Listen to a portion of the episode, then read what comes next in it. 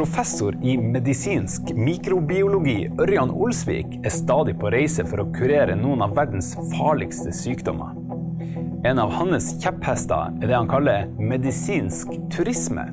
Han er ikke særlig fornøyd med at folk får lov til å reise til land med billige helsetjenester, for så å ta med seg farlige og resistente bakterier hjem til Norge.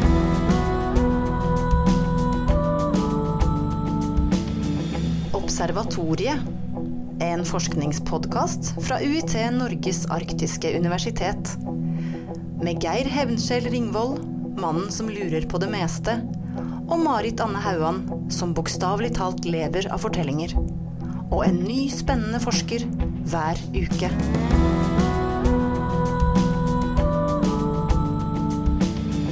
Hallo, Marit. Hei, Geir. Går det bra? Jo, takk. Litt forkjølt. Ja, faktisk jeg også. Da passer det jo bra at eh, dagens gjest er eh, ekspert på smitte. Han er liksom eh, eh, smittens James Bond. Og vi skal komme tilbake til hvordan det er. Det er han Ørjan Olsvik, eh, professor i medisinsk mikrobiologi. Et av veldig få medlemmer av Norsk vitenskapsakademi og amerikansk vitenskapsakademi også. Og har en høy grad i militæret. Ørjan Olsvik, hjertelig velkommen. Takk skal du ha. En stor, stor ære å ha deg her. Veldig stor fornøyelse å være sammen med dere. Ja, det føles ut som eh, du, du altså, med, Etter å ha hørt litt grann om det, så er det akkurat som at du, du lander i et helikopter på utsida, og helikopteret står og venter på deg når du drar her fra studio også. Hvor eh, hektisk er livet som eh, smittejeger? Eh, Nå er det ikke så veldig hektisk. Nei. det syns jeg. Det er, det er en rolig tid. Men eh, av og til når det skjer, så skjer det veldig fort og veldig brått.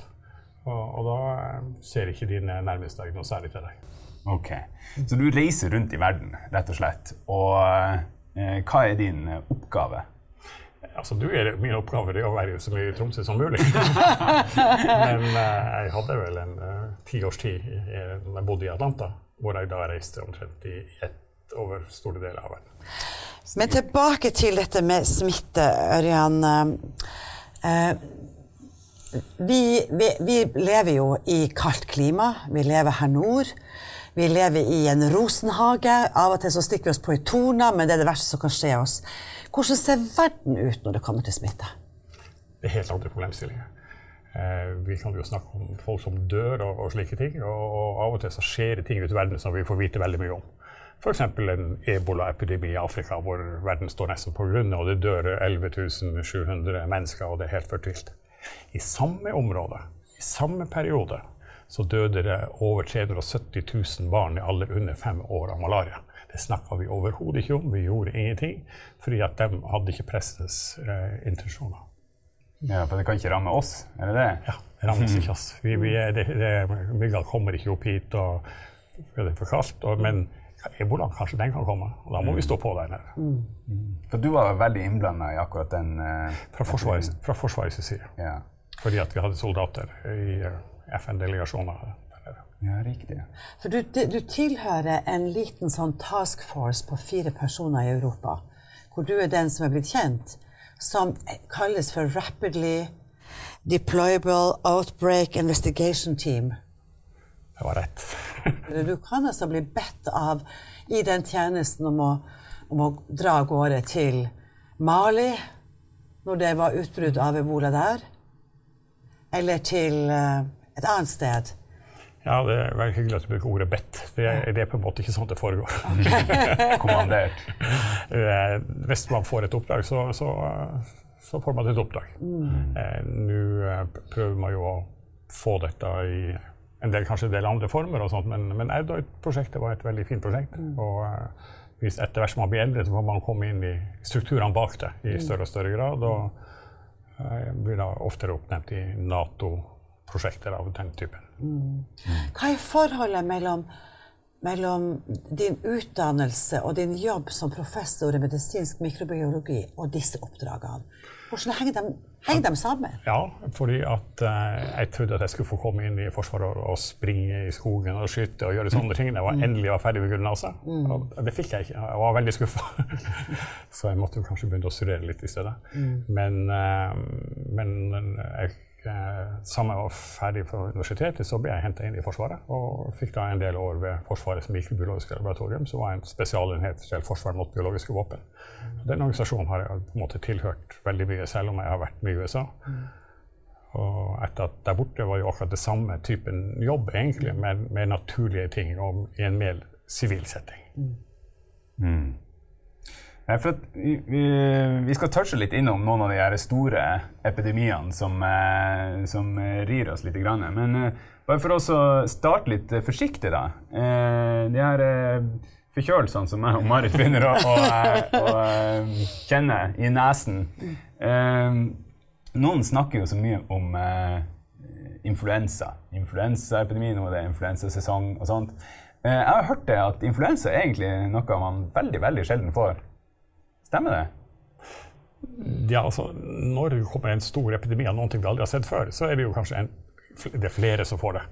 Men, eh, men eh, det er jo ikke noe som, som enkeltindividene sliter veldig mye med. Nei. Men influensa, er det en sånn årlig greie? Er- Jeg har hørt, jeg har hørt så sjelden som en gang i livet. Nei, altså, du får det jo ikke en gang i året. Nei. Nei. Men eh, det kommer i prinsippet sånn et nytt virus, et nytt influensavirus nesten sånn hver andre, tredje, fjerde år. Så kommer det ut fra Kina og sprer seg over verden, og så blir, forsvinner det. Så, men forkjølelseinfluensa er jo ikke det samme. Forkjølelsevirus er jo masse småttesaker og ting som gjør at du snufser og hoster noen eh, en stund, og så, og så er det borte igjen. Og stimulerer immunapparatet ditt og gjør at du er, du er, er greit nok. Så det er liksom de her eh, liksom, eh, nære og kjære smittene som eh, vi eh, håper å si, i anførselstegn plages med. Men, eh, men du er jo ekspert på eh, noen av de her virkelig store, bl.a. blant annet hiv. Eh, hva er status egentlig der i dag? Altså, nå har vi jo veldig gode folk til å ta vare på hiv-pasientene, så det er jo ikke det min jobb. Men det epidemiologiske på, på hiv det er jo at når det, når det kom sånn i 83 og sånt, og vi hadde ikke anelse at det var et virus. Vi hadde ikke anelse om noen ting. Så jeg husker godt den dagen jeg sto i heisen, og det sto en lapp i Atlanta på It's a virus. The French found it. Noen som var klistra opp en tidlig morgen. Og det gikk jo bare til lunsj før det var advokater som henta ned den lappen her, for de skulle aldri innrømme at det var franskmenn som hadde funnet et virus, for da hadde jo de kanskje patentrettigheter til diagnostikk og vaksiner, så det forsvant. Eh, og når du da skjønte at det var et virus, så kunne man jo begynne å, å tenke videre. Men, men spredning av, av hiv var jo, hadde jo skjedd veldig mye. Og det fortsatte jo. og Noen ekstrapolerte jo kurver til himmels. og det var folk som ble nekta å reise med SAS-fly fra New York til eh, Oslo fordi at jeg var, var hiv-positiv. Og, og sånne ting. Og vi hadde barn som ikke skulle få være i barnehage fordi at de var det. Og en ble jo oppsagt fra som kelner og, og slike ting. Så det var mye hysteri rundt det. Man, man ante ikke hva det var. Etter hvert så skjønte man hvordan det var, hvordan det smitta etc. Og, eh, men selv om tallene økte veldig mye, så, så, og dødeligheten var fundamental, så kom jo medisinene. Og da var vi egentlig litt redde for at enda medisinene holdt folk i live. Da blir det jo flere og flere som blir smitta, for det er jo ingen som dør unna. Så matematikken tilsa at dette skulle ikke være bra. Men så viste det at medisinene gjorde folk smittefrie. Og det første man oppdaga, var jo at mødre som skulle, var hiv-positive, som skulle føde, de smitta jo en del barna sine. Og da brukte man å bruke en sånn heter prepartum, altså før fødsel, medisinering. Og da ble jo ingen barn smitta. Og så virka jo dette videre. Og i dag så er- dør kurven stuper rett ned på de som dør av hiv. Og antall nysmitta går også ned. Så det det, dette har menneskeheten klart å komme seg unna. Vi kan faktisk se framfor oss et, et tidspunkt hvor, hvor hiv er en minimal sykdom. Det er jo en, eh, en suksess. Fantastisk. Ja. Men enda så er det sånn at vi snakker om at noen geografier har mer. Altså at vi snakker om at det er mer hiv i Afrika enn det er i Asia eller Europa. Er det fortsatt sånn at det er enkelte Det vokser fortsatt India, et, et område som det vokser mye. Mm. Og eh, i Afrika så begynner det å bli veldig bra. Sør for Sahara, hvor vi har pøsa på med medisin, så, så ser det bedre og bedre ut. for å si det sånn. Og i USA og, og Europa og sånt, så, så eh, går alle piler rett ned. Det er veldig stor sjanse i dag for at en som har blitt smitta med hiv, kommer til å dø med hiv, og ikke av hiv. Ja. Og så er det, sånn som jeg har forstått det, vi karene som er bærerne Ja, smitten har jo vært veldig mye. For det første var det menn, menn, mellom, mellom menn eh, som var liksom det tingen, da. Det var der eh, det liksom var det store, og det var ikke noe problem for noen andre. Og så ble jo damer smitta. Og uh, deretter så kunne jo damer smitte menn igjen. Og uh, det var jo sånn det pågikk. Og så var det en del blodsmitte. altså at uh, Man hadde ikke blod, kontroll på hiv i blod. I blodoverføringa og sånt. Og, og, i Norge var det en del som, som fikk det på det viset. Ja. Ja, for Det jeg skulle frem til, var at det, i immunforsvaret, eh, når man får den medisinen, så sabler jo den ned, de her, de her virusene. Ja.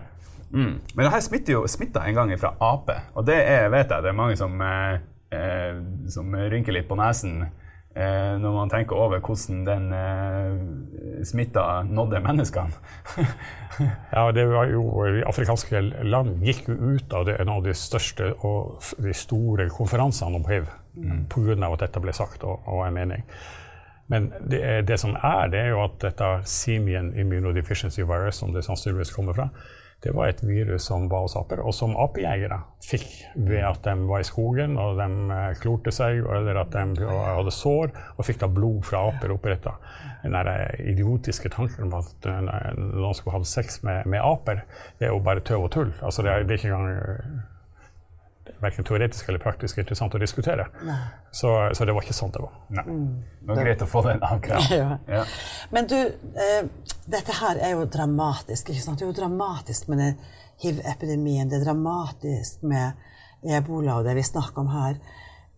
Hvordan, hvordan finner en ung gutt fra Senja som liker fjellene der og fisker, går på sjøørretfiske om våren og, og, og egentlig er, er, verdensmester i å hugge ved. Hvordan finner han på å bli medisinsk mikrobiolog? Hva som inspirerte deg til det?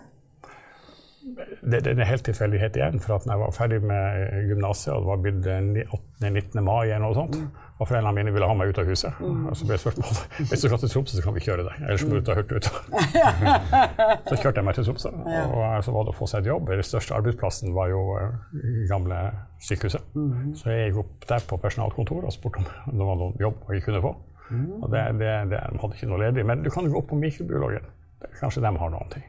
For det lå litt lenger opp i bakken. Så jeg gikk opp dit, og mens jeg satt og venta der på det, så hadde jo blitt litt lang dag, og, og da var vaktmesterassistenten var ikke kommet. Mm. Så den eh, overlegen Åse Rigborg Barsk Karlsen hun sa han opp på flekken og ga meg jobben. det var, og da syntes jeg at mikrobiologi var egentlig ganske artig, selv om min jobb var å tømme søppel og hente post og alle sånne ting. Men uh, ja, det, det, var kanskje starten. Mm morsomt. Jeg har liksom forkjærlighet for de her jobbene som man aldri hører om på arbeidslivsmessa på videregående. Det vil jeg tro at du faller godt innenfor den kategorien. Her er jo veldig artig at flere av disse som jeg jobba sammen med i, i 1973, fortsatt er på mikrobiologen her. Ja. Så det å få lov å, å komme tilbake da, til mm. mange 20 år senere og du kan gjøre hva som helst hvis du bare har fått vært vaktmesterassistent. det er jo fin moral. Det handler om å gå alle trinnene, er det det det handler om? Ja, du kan se verden fra mange vinkler, og det er helt og greit å se det fra gulvet. Mm. Yeah. Vi skal uh, inn på et uh, tema som uh, egentlig får meg til å skjelve litt. Grann. Antibiotikaresistens. Der har du Du har egentlig vært en av de som har varsla om denne problematikken i ganske lang tid, stemmer det?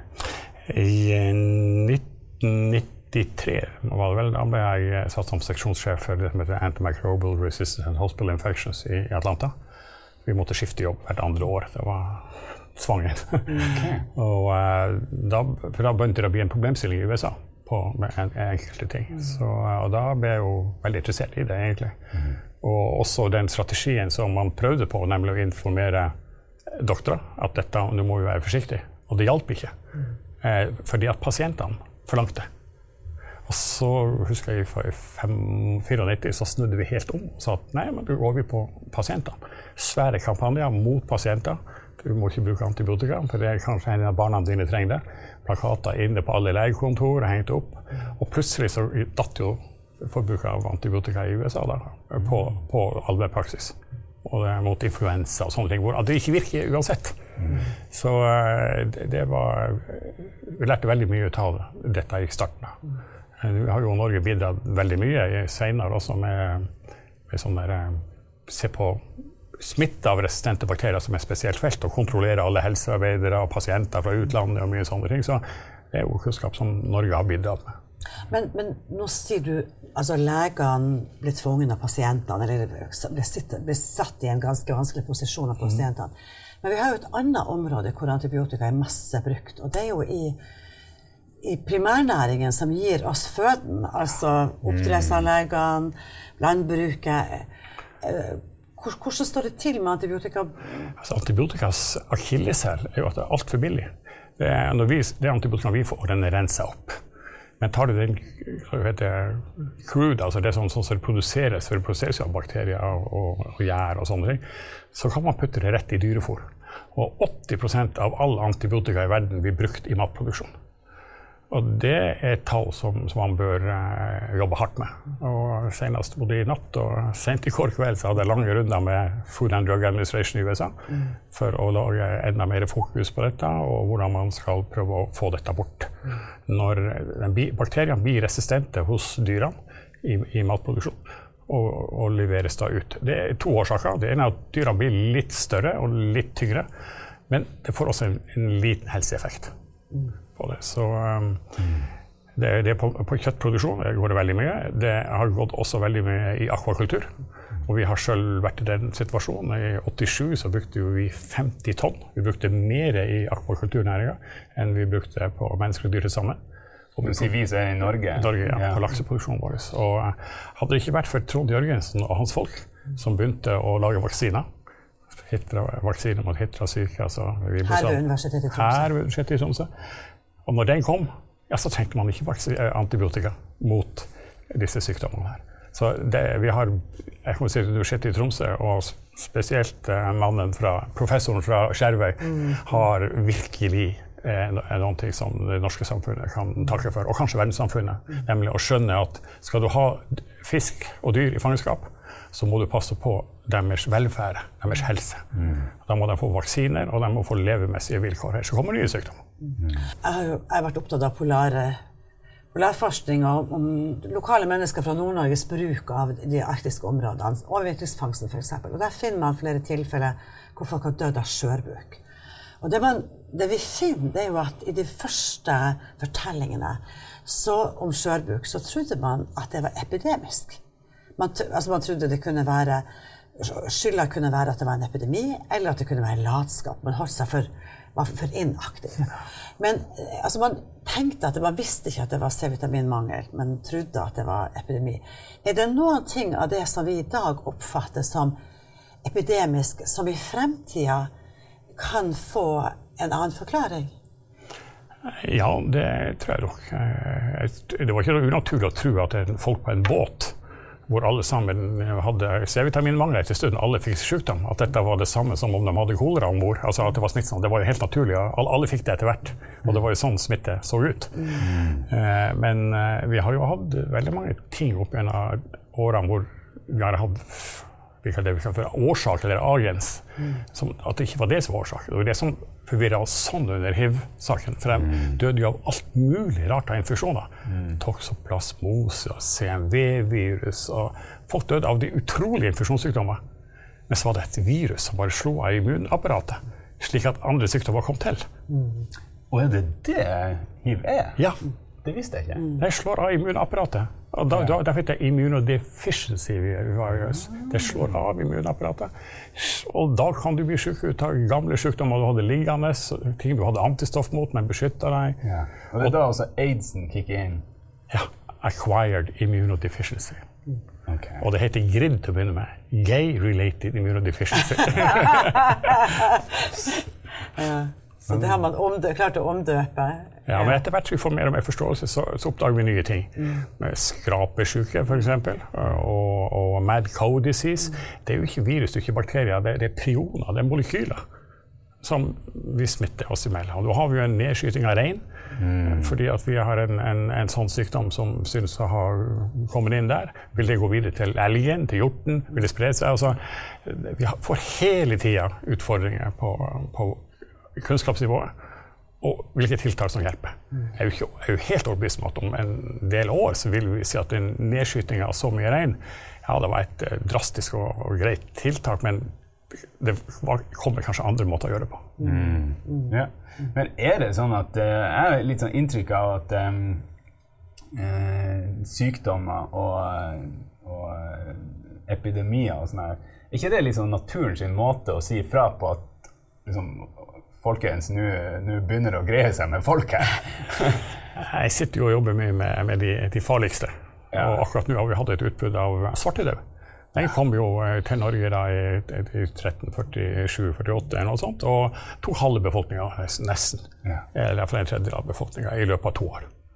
Og, og det, var, det var jo ikke noe spesielt hyggelig. Nei, det var, det var ikke Og- og spesielt hyggelig. Og, og, det, og den kom tilbake og gjorde det samme en par ganger opp igjennom. Vi hadde jo hadde helt opp i sånn 1800-tallet og litt touch på 1900-tallet i Europa, med, med små tilfeller. Og sånn.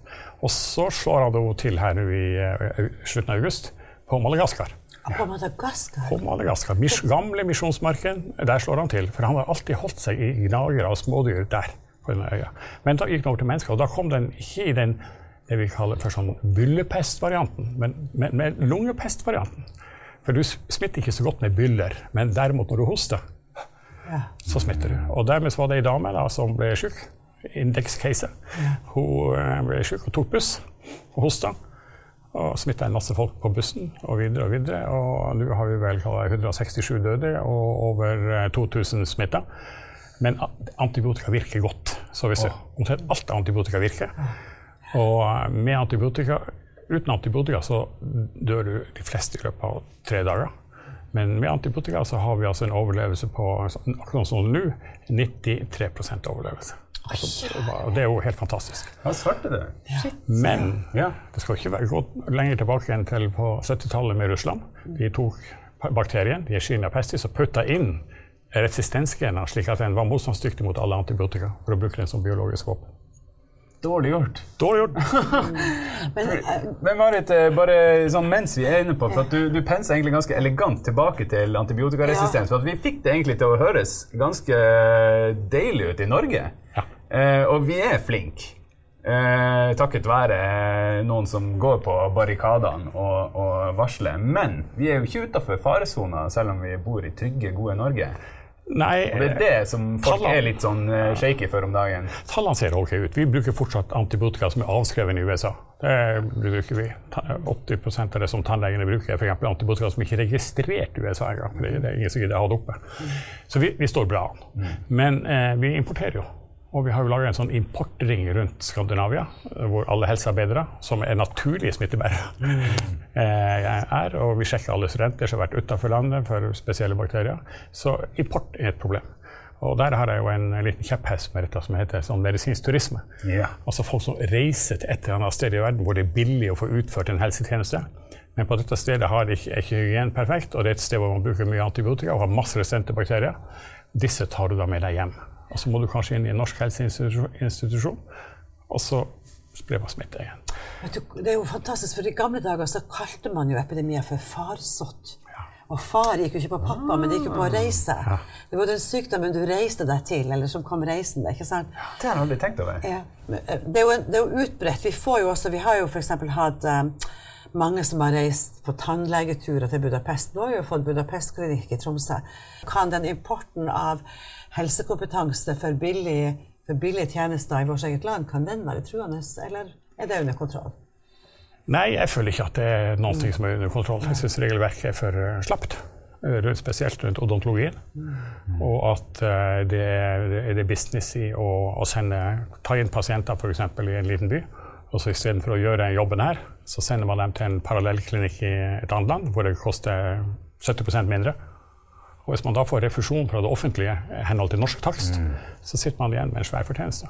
Og da er det penger som driver en motor, som igjen kan være med på å, å overføre eh, smittsomme bakterier til oss fra land som vi vet har veldig veldig høy frekvens av de farligste resistente bakteriene. Hvis jeg er antibiotikaresistent, så blir du det ved smitte eller Du ikke? kan- Du kan trygt si du vil aldri bli eh, antibiotikaresistent, men derimot dine bakterier kan bli det. Så eh, nå har du vært et sted. Eh, du behøver ikke være dårlig hygiene. Det kan være i Semmelweis eget land. Eh, han som oppdaga veldig mye smitte og slike ting. Og, men de bruker mye antibiotika. Og du kan få mer enn noen resistente bakterier som ikke gjør deg syk i det hele tatt. Så kommer du hjem, og så møter du kanskje din eh, tante, som eh, akkurat på denne tida går på en cellegiftkur og nesten ikke har immunsystem. Og så får hun en infeksjon med din bakterie, og så kan ikke den behandles Ja. den problematikken jeg synes er, er, er slitsom å, å tenke på at vi, vi gjør dette. Det, du er i prinsippet uskyldig, og sånt, men vi, vi, må, vi må tenke på å beskytte den situasjonen vi har. Vi har det, det er helt umulig å få importert en, en levende amerikansk hummer til Norge. For vi er så redde for at den skal spre seg og være slemmere i norske hummeren. Men hva med bakterier? Jeg har lyst til å komme inn på dette her feltet nå. Det, det, er så, det er så store spørsmål, og det er så alvorlige tema vi snakker om.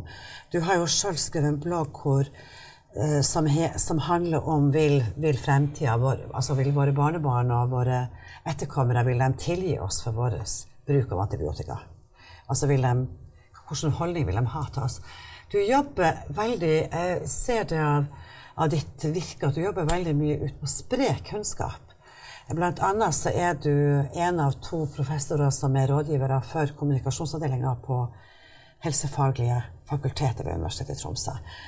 Eh, Hvordan tenker du på en professors rolle i forhold til samfunnet? Har, hva, med, hva med samfunnets eh, krav på, på informasjon? Eh, Da jeg var vaktmesterassistent der oppe, så het professoren Kjell Bøvre. Og jeg spurte han liksom, hvordan blir man professor. Så sa han at professorer rekrutteres fra amanuenser. Og for å bli amanuens så spurte jeg da videre, da, må man skrive vitenskapelige publikasjoner. Så må man ta en doktorgrad og slike ting. Så veldig mange av tida til å begynne med, jeg går i å produsere ting som noen få spesialister i samme felt leser. Du skriver det på engelsk og nesten i forståelige artikler. Og når du har produsert tilstrekkelige mengder av, av sånne saker, så kan du da bli professor. Og da må, etter min begrep, så skal man da slutte å, å være egosentrisk. Da skal man passe på at andre får anledning å bruke forskningsmidlene eh, for å bygge opp seg sjøl, og heller være en miljøfaktor for å hjelpe dem. Og trinn to er at den kunnskapsreservoaret som universitetet og skattebetalerne har bygd opp, den må jo være tilgjengelig. Og da syns jeg at det er helt greit at man bruker blogger, forskning.no, eh, kronikker i Aftenposten, Dagbladet, VG, går på radio og TV av og til og forklarer ting som kanskje er litt sånn komplisert. Og også forstår journalistene ved at eh, når de sier ting, så ikke forandre deres eh, hvordan de har tenkt å profilere, men ta bort de data som er feil. Og prøve å, å redusere redsel og, og gru. Og en av mine funksjoner mot Forsvaret er jo dette at en biokrig og bioterrorisme og sånt, så er det å skape frykt som er den største effekten. Hvordan kan vi fjerne frykt? Frykt kan kun fjernes ved at mottakerne er tilstrekkelig informert på et faglig nivå, og så korrekt som mulig. Det har jeg satt at det skal være en av de viktigste tingene jeg skal jobbe med i de eh, neste seks årene. i alle fall. Jeg skulle gjerne ha stått der i eh, veldig mye eh, lengre tid å prate med deg, Ørjan. Jeg syns det var utrolig lærerikt, og du er en veldig dyktig formidler. Eh, men eh, vi må dessverre begynne å runde av. Ja, men kan vi spørre han, har helse noe med frihet å gjøre? Eh, Ja, de fleste mennesker som blir berøvet sin frihet, får jo en eller annen form for uh, begrensa oppholdstillatelse. F.eks. et fengsel eller noe sånt. Tuberkulosen i Sovjet sprer seg i fengslene. Det er klart, Frihetsmarginen bort derfra, den er, den er, og det er resistent tuberkulose, kan nesten ikke behandles. Det er nesten en dødsdom for enkelte å bli satt i fengsel i, i sånne land. Eh, det andre er jo at hvis du får hvis det er din frihet til å, å, å bevege deg, din frihet til å ta den utdannelsen du ønsker, etc., så kan du i et samfunn få mangel på kompetanse. Og eh, fri, mangel på frihet gjør at du slutter å tenke de frie tanker. Og det vil jo skape slutt på progresjon i, i helse. For helse er jo kontinuerlig utvikling. Hva det er som betyr noe, og hva som ikke betyr noe. Så um, jeg tror du har helt rett. Eh, tar du bort uh, frihet, eller som min gamle sjef Tove Omland, oberst overlekjar på Forsvarets mikrobiologiske laboratorium, sa at, uh, at det er et par ting du ikke vet hva det er før du har mista det. Det er helse og frihet.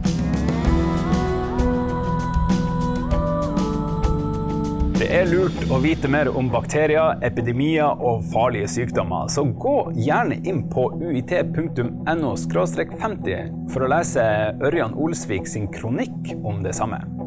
Følg oss på Facebook under navnet Observatoriet podkast. Og husk at du kan lytte til en ny spennende forsker ved UiT, Norges arktiske universitet, neste torsdag. Vi høres!